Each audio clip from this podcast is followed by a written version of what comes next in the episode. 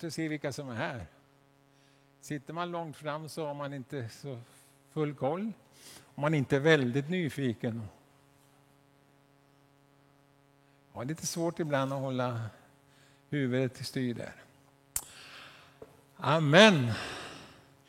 Idag när jag eh, kom ut och vi skulle åka hit strax så eh, liksom att eh, vi har ju det är en katt som har valt oss som är, har det som sin bostad hos oss nu, en, en god katt. Och eh, hon kom där glad i hågen fram och mötte mig i dörren och gick där och svansade runt. Men hon brukar ibland springa in, men det gjorde hon inte direkt. Då ser jag se där. Då låg bytet, en mus som man hade tagit. Hon är fantastiskt god musjägare den här. Och hon ville bara visa upp den här liksom för, titta här! Och, och, och när jag hade då klappat henne och skrutit lite grann, skryta, skrut, skrötigt över henne. Så bara, vad gjorde hon då? Jo, då gick hon till musen och så åt hon upp den. Underbart! Mm. Blir ni hungriga? Ni ska få annan fika. Men varför berättar jag det här? Jo, jag tänkte så här, vet du, att man får göra, det är ungefär så vi får göra när det gäller alfa. Då får man se till att hitta kanske någon och ta med. På alfa, ingen mus, kom inte med det. Men en eh, medmänniska som behöver Jesus, så bara ta och eh, bjud med. På tisdag startar vi som sagt var här. 18.30 både här och i Åsa. Och jättebra med lite anmälan också så vi vet eh, tanke på vad som ska ätas. Och apropå det, wow! Ett stort glädjeämne. Vi hade ju alfakurs i höstas också.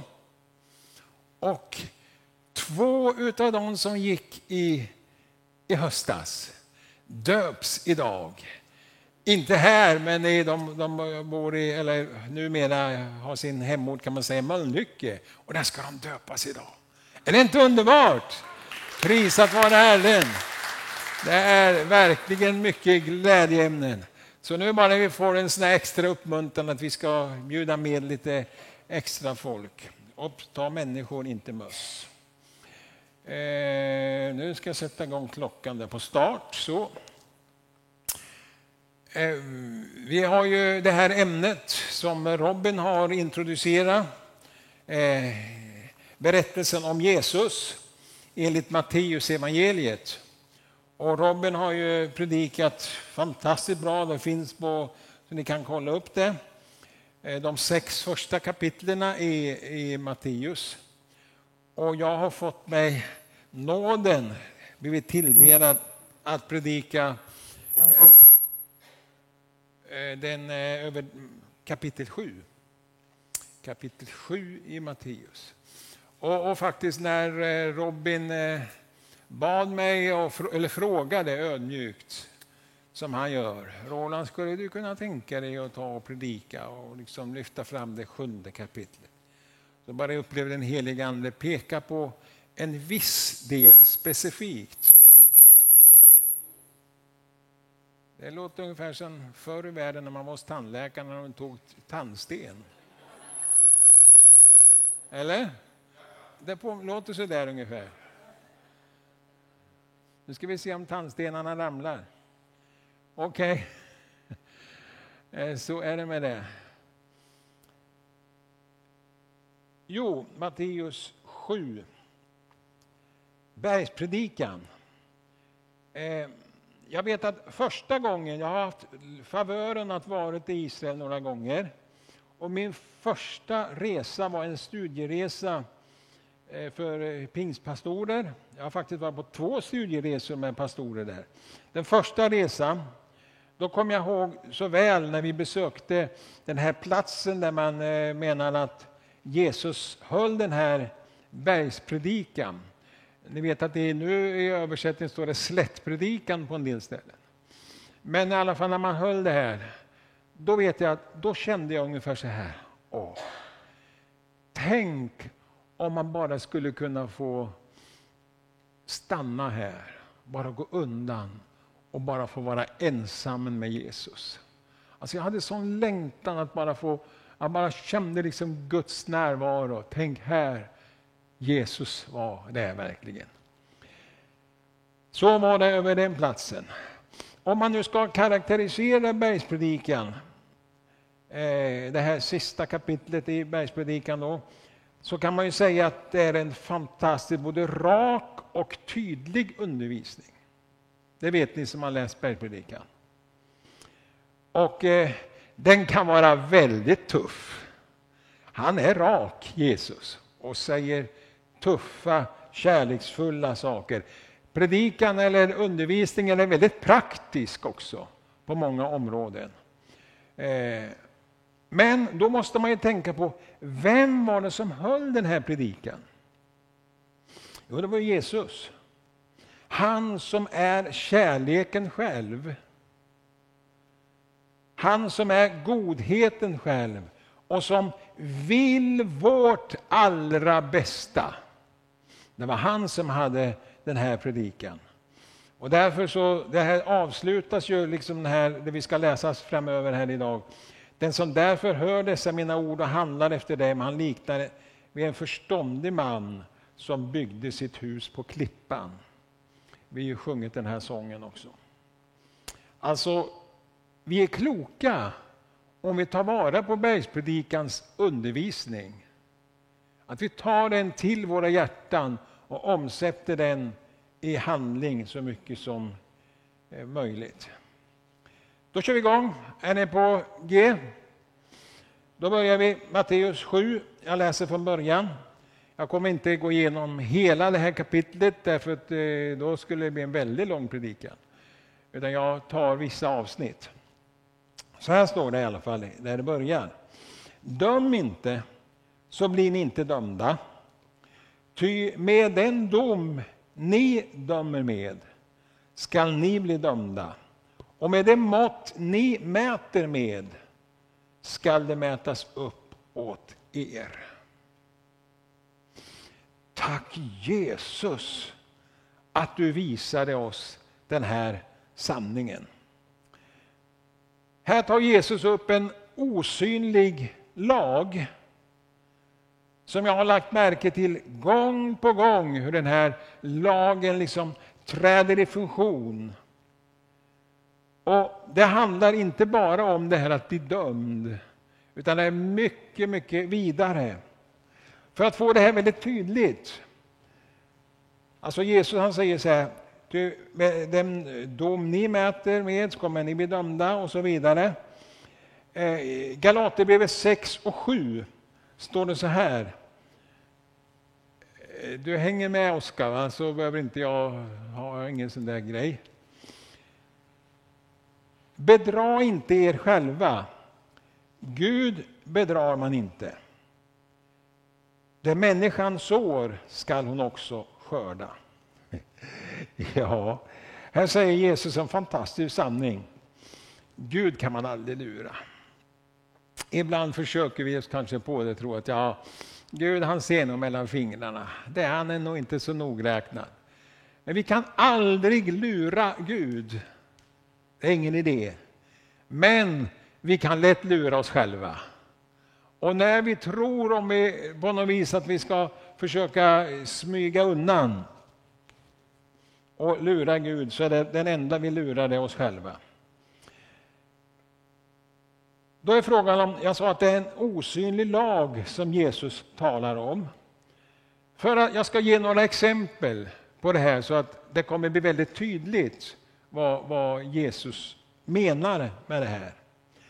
Om man, jag eller någon annan, exempelvis håller på att för vana, man skämtar om andras misstag. Och det kan ju vara roligt att göra, kanske. Om jag nu skämtar om andras misstag så kommer man förr eller senare göra ett ännu större misstag själv. Ja, så är det. Ett exempel. Ett annat exempel. Om man medvetet fuskar så kommer man förr eller senare möta någon som fuskar när man ska göra något för mig. Och det vill man gärna inte vara med om. Man, är, tänker, man vill inte att någon ska fuska, man ska vara rätt. Va? Och därför är det viktigt att man inte fuskar själv. Om, jag ska ta det tredje exemplet också. Om jag berättar för andra om andras människors dåliga sidor, det är ju inte så svårt. Eller? Vi har ju alla våra baksidor och, och, och, och allt det här, eller hur? Det, det, är ju ingen av oss som är perfekt. Det är inte så svårt att hitta misstag som andra gör. Men om jag liksom har för vana att, att dela andras misstag och dåliga sidor, då ska jag bara säga en sak. Då kommer andra människor berätta om mina dåliga sidor. Och Det är precis som att, att det finns osynliga krafter.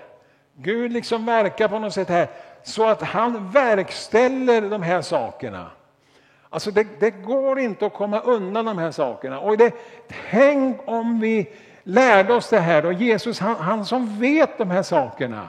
Han vill bara tala om något väldigt praktiskt. Kära människor, tänk på de här sakerna för ditt eget livs skull, för ditt eget bästa. Hänger ni med? Vad vill jag säga i det sammanhanget? Men nu kommer lite evangelium. Jag måste ha lite evangelium. Jag får inte bara tala om dåliga saker. Och då kan man säga så här. Det finns några nödvändiga och kraftfulla botningsmedel för de här olika områdena. Och för det första är att man, om jag nu har upptäckt mig själv, men jag har ju faktiskt Ja, jag brukar ju faktiskt inte vara perfekt. Jag, jag känner att jag brukar skämta och driva människor. Och jag försöker kanske inte vara så nogräknad. Det finns ett bra botemedel. Ska vi ta det? Botemedlet det är detta att man kan bryta den här förbannelsen genom att erkänna sin synd inför Jesus. Och så be att Jesus att han förlåter mig de här synderna. Och när han förlåter oss så får vi förlåtelse för de här sakerna. Det är det första vi kan göra. Det andra vi kan göra i de här om, på områdena det är detta då att vi kan eh, eh, be Gud att han genom sin helige Ande hjälper oss att förändra vår livsstil på de här områdena.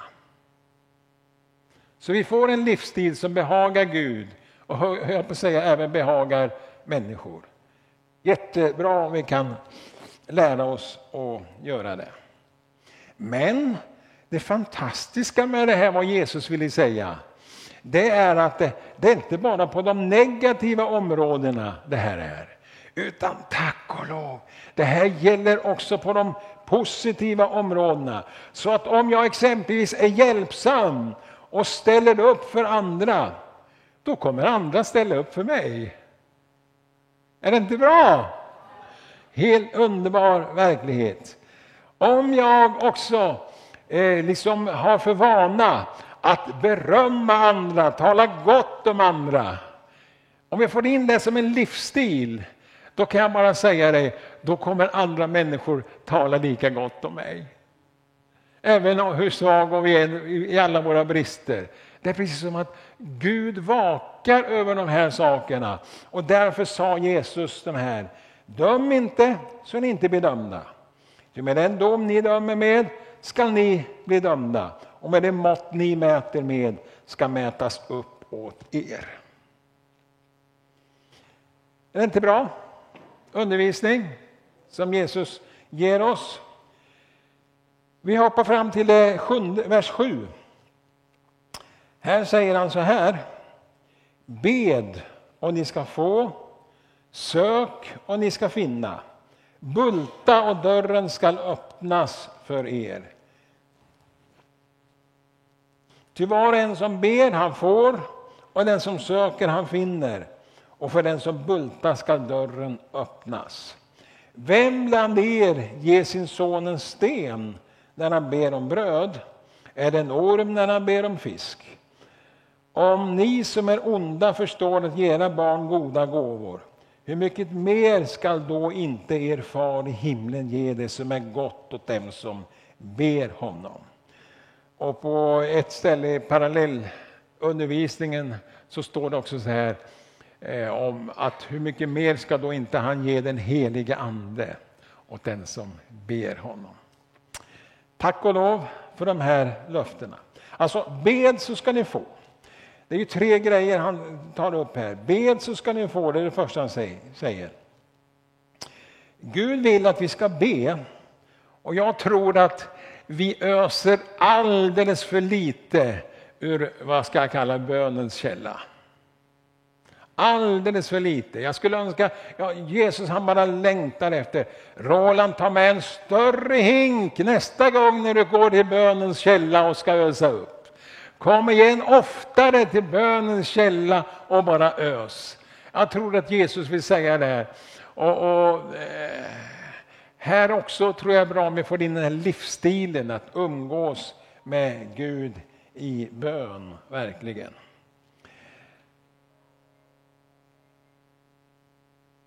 Det är lugnt. Det var en vacker musik. Eh, bed så ska ni få, ja. Men så vill han säga något som är ännu viktigare, nämligen att söka. Eh, sök så skall ni finna. Eh, sök så skall ni finna, ja. Och här talar Jesus om att det är något som är ännu viktigare på något vis och det är att vi söker. Vad då söker? Jo, vi ska söka Jesus. Alltså det där grejen är att vi ska inte bara be för bönens skull. Förstå mig rätt nu. Ni uppfattar att vi ska be. Är det klart? Men det finns något som är ännu viktigare. Sök Jesus. Se till att vi söker honom i allt det här. Och det hör faktiskt ihop med bönen, ska vi snart upptäcka eh, i det sammanhanget. Sök att vi söker Jesus och att vi söker hans vilja med våra liv. I Jeremia 29 står det så här. Ni ska söka mig och ni ska också finna mig om ni söker mig av hela ert hjärta. Ty jag skall låta er finna mig, säger Herren. Alltså, på något sätt är det, att Jesus han vill att vi ska finna honom att vi ska söka honom först och främst i, i, i det här sammanhanget. Sen kommer då den tredje eh, biten här, nämligen det här att bulta. Att knacka på. Och i Johannes 10 så undervisar Jesus om att han är dörren. Det känner vi igen. Han, han säger det i Johannes 10. Han är dörren. Och då är det så här att om man har en nära relation, alltså jag har lärt känna Jesus, som jag uppmanar oss här att söka Jesus, om jag lär känna honom, han som då är också dörren för våra liv, då är ju bönesvaret väldigt nära. För då öppnar han själv som är dörren. Han bara säger, ah, han öppnar för bönesvaret. Hänger ni med? Därför har vi den här undervisningen. Bed, liksom han säger lite som sammanfattning, bed så ska ni få. Sök, alltså sök Jesus, försök att hitta honom och vad som är hans vilja. Två, knacka på, öppna. Han som är dörren, Jesus själv som ni har funnit, han kommer att öppna sig för dig och du får bönesvar. Bra undervisning som Jesus kommer med här. Han öppnar upp. Sen har vi det här som vi brukar kalla för den gyllene regeln. Jag tror inte jag behöver förklara den så jättemycket. Den är ganska enkel egentligen. Eh, och jag, tänker så här att den sympatiserar nog de allra flesta människor med. Om på något vis. Att man, man eh, tycker att ja, men gyllene regeln det är en bra grej. Det kan hålla på att säga den eh, största sekulariserade människan som kanske inte vill veta om Gud någonting knappt. Ja, men det var en bra undervisning Jesus sa när han säger därför allt vad ni vill att människor ska göra för er, det ska ni göra för dem. Sen kanske man inte säger det sista, att det är lagen och profeterna. Men ändå på något vis så håller man med om det här. Allt vad ni ska göra. Och så brukar man ju vända på det här. Allt vad ni vill att ni inte ska göra, det ska ni inte göra. Men här säger Jesus alltså, allt vad ni vill att ni ska göra, då ska ni göra för dem. Eh, och det är väl kanske så här att det är en sak, även om vi håller med om det här, men en sak att hålla med teoretiskt, en annan sak är ju att leva upp till det ibland. Det kan ju vara lite olika med det.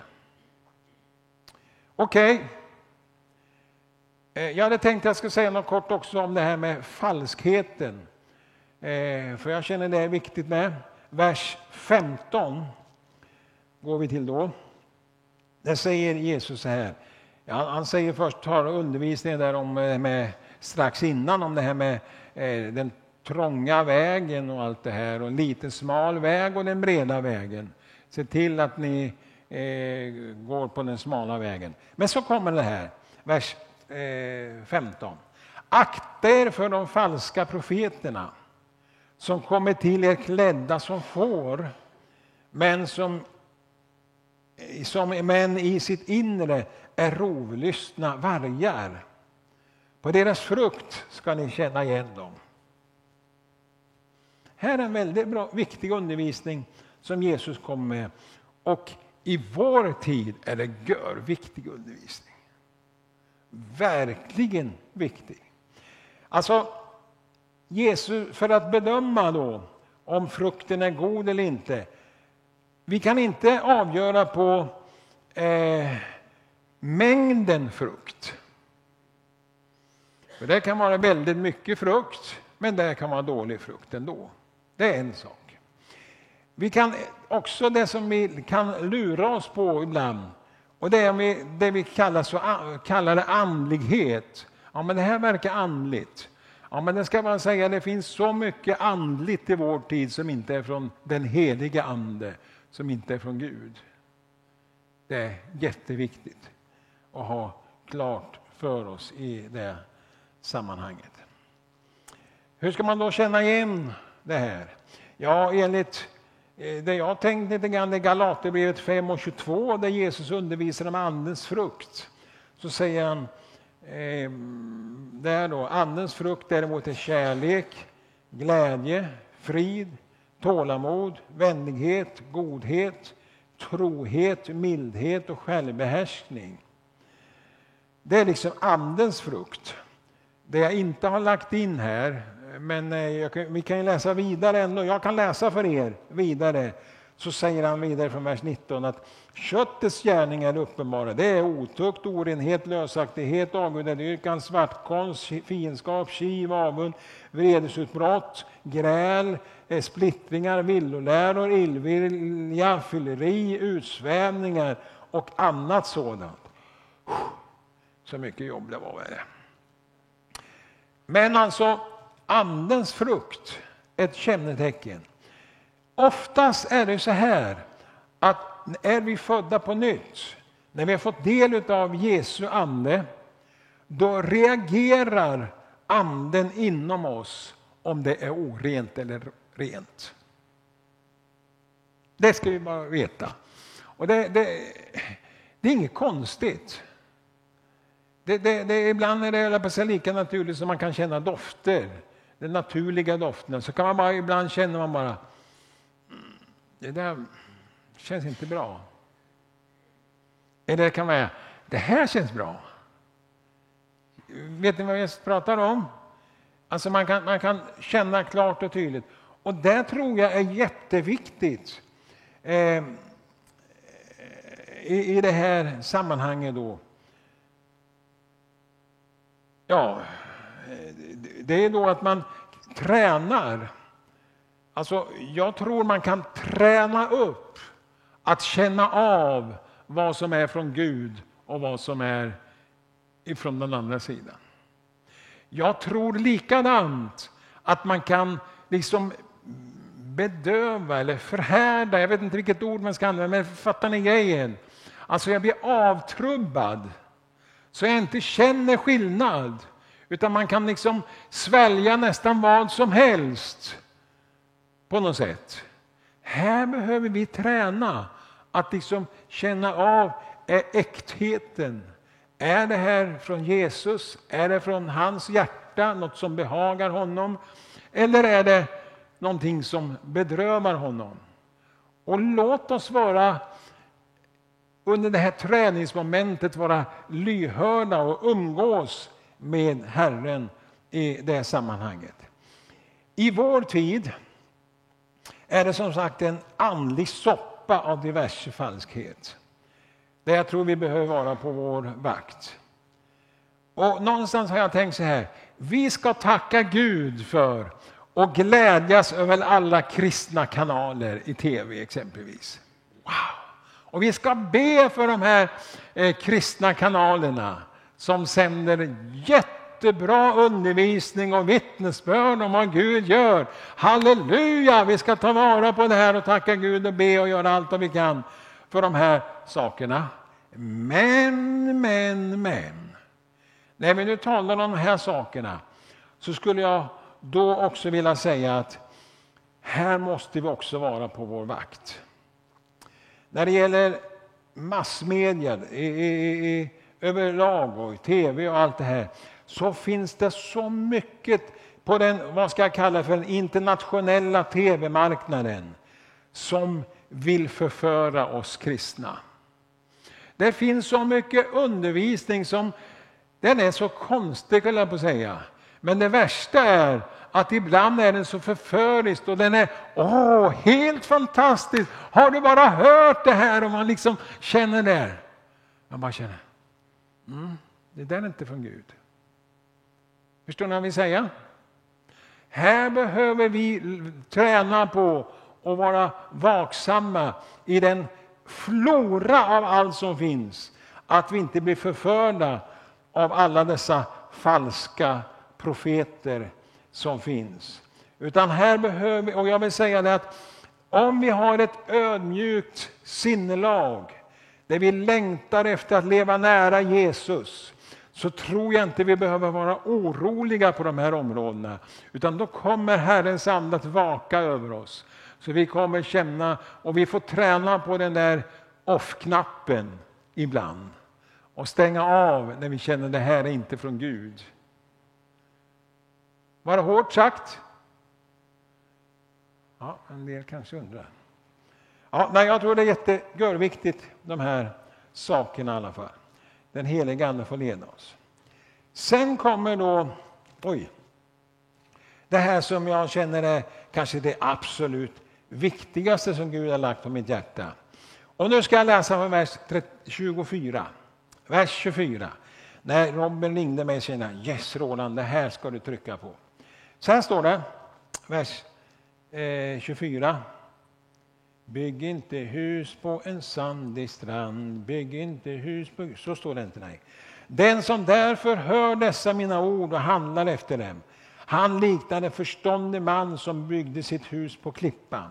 Regnet öste ner, störtfloden kom och vindarna blåste och kastade sig mot det huset. Men det föll inte, eftersom det var grundat på klippan. Men den som hör dessa mina ord och inte handlar efter dem, han liknar en dåre som byggde sitt hus på sanden. Regnet öste ner, störtfloden kom och vindarna blåste och slog mot det huset och det föll samman och dess fall var stort. Det finns en kategori eh, som jag under många år, vågar jag säga, om man får säga många år när man har fyllt 70, som jag känner speciellt för. Och det är alla goa ungdomar som är uppväxta i kristna hem, men som bara är kompisfrälsta. Oj, oj, oj. Man har liksom aldrig fått den här egna nära relationen med Jesus. Man kanske eh, det har inte skett det här som, som Jesus säger i Johannes 3, att bli, man aldrig blivit född på nytt. Eh, och det finns en sak som den här sången som vi sjöng, eh, den är en jättebra sång. Bygg inte hus på en sandig sten. Men det finns en, en sats i den sången som inte eh, jag håller med om. Och det står eh, att när huset, du får bygga huset en gång till. Ja, då är min fråga. Hinner man bygga huset en gång till? Är det inte rätt att bygga på en gång på den rätta grunden? Alltså, vi behöver alla människor, det ungdomarna behöver få, att de får en egen kärlek till bönen, till bibelläsningen och att man liksom på ett vardagligt sätt umgås med Gud. Att man inte bara har, man är kompisfrälst. Man kommer till kyrkan för alla kompisar och det kan gå ett tag. Men jag vågar säga, om man inte har grävt ner, för att använda texten, grävt ner till honom så man har en relation till Jesus Kristus, han som är berggrunden. Då kommer vårt liv att rasa förr eller senare. Och här minns jag, jag är, det, är, det är ju nästan som lite vana det här när man börjar i en församlingstjänst så börjar man jobba med ungdomar, det har jag också gjort. Jag hade huvuduppgift att jobba med ungdomar en tid i världen. Och jag minns så väl hur man ibland jag vill säga, man, man både barn och man kämpade och försökte uppmuntra de här ungdomarna. Men ska du inte lämna ditt liv helt och fullt åt Jesus? Att han får... Ja, men jag liksom... Jag, har, jag är bra, jag är med här. Man är med, man sjunger, man spelar kanske till och med. Man är, man är med, liksom man, ingen kan se till det yttre han är. Men man har inte fått tag till honom som är grunden för det här livet. Och det hemska är, om man inte har eh, överlåtit sig 100% till Jesus, och utan man bara kommer, så tyvärr försvinner man förr eller senare. Man är inte med. Och den kategorin, jag måste säga att jag har så nöd. Därför att det hemska är att de här ungdomarna kanske tror att jag har, det är det här vad kristen tro har att erbjuda. Det är det här frälsningen har att erbjuda. Men man har aldrig smakat frälsningen. Man har aldrig smakat på honom som är grunden, Jesus Kristus. Hänger ni med? Utan man har bara det här yttre skalet. Och därför tror jag viktigt att vi får hjälpas åt, att våra ungdomar de ska bli födda på nytt, de ska få tag på Jesus, de ska bli döpta i helig ande, de ska tala i tungor så det sprakar om det. Ja, det måste man inte göra. Men i alla fall, jag tror det är bra att man får verkligen möta Jesus rejält. Hänger ni med? Jag tror det här är görviktigt för våra ungdomar om man ska bli bevarad i den tid som vi lever i. Tyvärr, som sagt var, så rasar huset om man inte har byggt på grunden. Kan ni förstå min känsla för de här ungdomarna? Kan ni förstå hur jag kan känna gång på gång? Och det, det är så många människor jag tänker på nu när jag, man kunde se mycket snart. Ja, den här kommer aldrig, den, den är snart borta. Och man försöker uppmuntra. Du skulle få tag på Jesus. Jesus har mer att ge. Ja, men kom igen, ska vi be tillsammans? Ska vi komma, och få uppleva nu Jesus här. Ah, man är lite rädd. Man är lite reserverad. Ja, tyvärr, tyvärr så håller det inte om man inte gräver ner till honom som är berget. Om ni nu förstår min känsla för de här så för de som inte i verkligheten smakar Jesus, så finns det, och det ska jag avsluta min predikan med, det finns en kategori som om möjligt är ännu mer synd om. Vilka tänker Roland på? Ni måste inte få ge svar, men ni kan fundera ett ögonblick. Vad är det för kategori jag tänker på som om möjligt är ännu värre för än de här ungdomarna. Nu ska jag säga det. Jo, det är alla gamla, alla vuxna som kallar sig för kristna men som aldrig har smakat den här innerliga kärleken till Jesus. Va? Alltså man kanske har varit med i en kristen församling i 50-60 år. Eller man har varit med 20, 30, 40 år, hur många år man har varit med. Man har varit med, man kan alltihop det här, hur man bär sig åt i kyrkan och man ser hur, hur bra ut som helst som kristen. Det är, det är inget fel på mig. Men hjärtat handlar om har jag grävt ner, har jag liksom grävt ner som Jesus säger, till klippan? Har jag byggt på Jesus Kristus? Är jag född på nytt? Har jag en levande relation med Jesus? Förstår ni? Alltså här är det, det är så förföriskt och så tror man, ja men det är det här, jag är kristen, det är det här handlar om. Nej, det är inte det det handlar om. Den kristna tron är att man har en relation med Jesus Kristus. Jag har, lever nära honom, jag älskar Jesus. Det är ju självklart att jag vill umgås med Herren i bönen, att jag vill umgås med honom i ordet, att jag vill vara med i församlingsgemenskapen. Det är ju självklart, därför att jag älskar ju Jesus. Jag har liksom grävt ner. Jag har grävt ner. Det är den här kategorin som Jesus talar om. Se till, se till att du gräver ner till berget, grunden, bygger ditt liv på honom. Som när det börjar på blåsa och storma i världen så har jag något stadigt. Han håller mig. Jag behöver inte hålla honom men han håller mig. Halleluja! Och det, det är det som är så bra.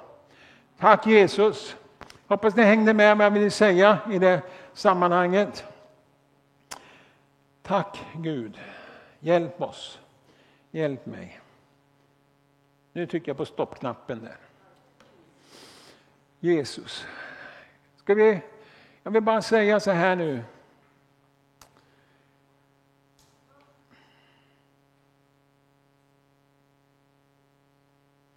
Alltså jag skulle önska, någonstans när jag tänker på alla de här människorna, ungdomarna, jag tänker på alla äldre människor. Fina, jättefina människor, kramgoa och de är så fantastiska människor. Men som inte har fått tag på grunden Jesus, bygger sitt liv. Alltså jag har sån smärta, jag gråter. Men jag ska säga det finns en som gråter ännu mer. Och det är Jesus. Han bara längtar och han är här idag. Finns du med? Och jag skulle önska jag kunde säga det i en kärlek som du förstår. Att det här, jag skulle önska jag kunde få förmedla lite av Jesus kärlek till dig. Om det är så att du inte har den här relationen. Om du inte har grävt ner till grunden. De stormar som kommer ytterligare i vårt land. Jag ska bara säga att det är livsnödvändigt att vi bygger på Kristus. Att vi har den grunden. Om du inte har gjort det så vill vi jättegärna att du ska få ta emot Jesus. Ska vi bara böja våra huvuden på en gång? Ja, man, ja, vi gör så. Ingen av oss ser, jag, jag ska titta. Ingen annan ser sig omkring. Och det jag ska bara fråga, om du finns med och du känner att jag skulle behöva det här nya, förnya kärleksmöte med Jesus. Jag skulle behöva få tag i honom, att han, han rör vid mig. Lyft din hand så ska jag be för dig. Vi, så. Gud välsigne er som lyfter händerna. Jag ska inte peka ut det. Gud välsigne dig. Gud välsigne dig. Här, Gud ser de olika händerna här. Jesus. Ni kan ta ner era händer. Gud välsigne er om det känns bra. Vi ska bara be den helige Ande kommer och rör vid oss.